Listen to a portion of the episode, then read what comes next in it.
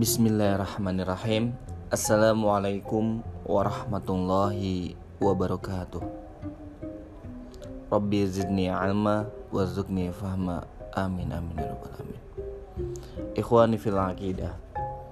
Kembali hari ini kita akan membacakan beberapa hadis pilihan dari kitab Bulughul Maram karya Syekh Ibnu Hajar Al Asqalani dan dilanjutkan dengan terjemah kitab Subulus Salam atau syarah dari kitab Bulughul Maram karya Syekh Muhammad bin Ismail As-Sun'ani.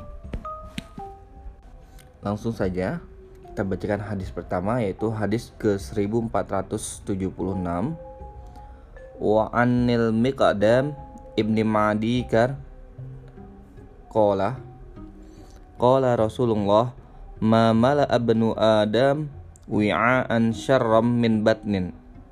Akhrajahu at-Tirmidzi wa hasanah artinya diriwayatkan dari Miqdam bin Ma'di Karibah bahwa Rasulullah Shallallahu alaihi wasallam bersabda tidak ada wadah paling buruk yang dipenuhi anak Adam melainkan memenuhi isi perutnya.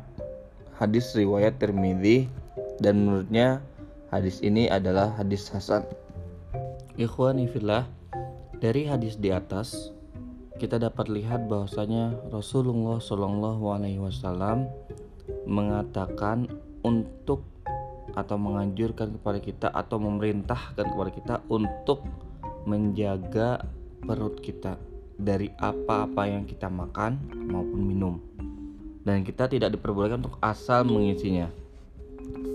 Hadis tersebut menunjukkan tercelanya banyak makan juga kekenyangan dan penuhnya perut dengan makanan dan informasi dari beliau bahwa yang kebanyakan makan itu adalah buruk karena pada demikian itu akan mengakibatkan kerusakan keagamaan dan badannya. Makan yang berlebihan juga akan menimbulkan penyakit dan melemahkan semangat penegakan hukum. Petunjuk dari Rasulullah SAW yang menjadikan makan menjadi menempati pertiga perut merupakan petunjuk terbaik dari baginda Rasulullah Muhammad SAW karena hal itu akan meringankan kerja pencernaan baik bagi tubuh dan berguna untuk membangkitkan kekuatan serta tidak menimbulkan suatu penyakit. Jadi memang ketika kita makan itu lebih baik kita mengisi hanya sepertiga perut saja dan tidak terlalu penuh atau tidak terlalu kekenyangan. Dalam hadis lain dikatakan, fa in golabat ibnu adam nafsuhu fasulusa li ta'amihi wa sulusa li syarabihi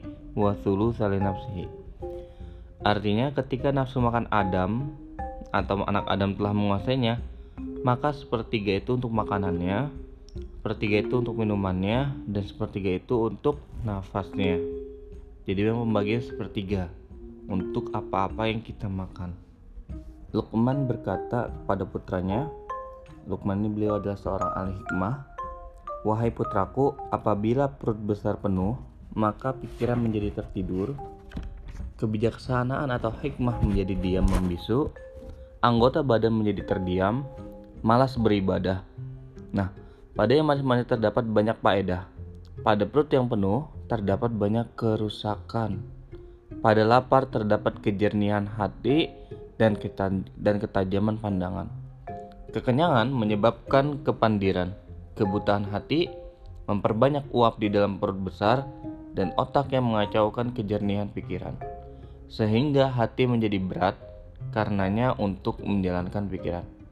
Dan di antara faedah lapar ialah mematahkan syahwat kemaksiatan, semuanya dan menekan kemaksiatan dan menekan nafsu yang menyuruh pada kejahatan.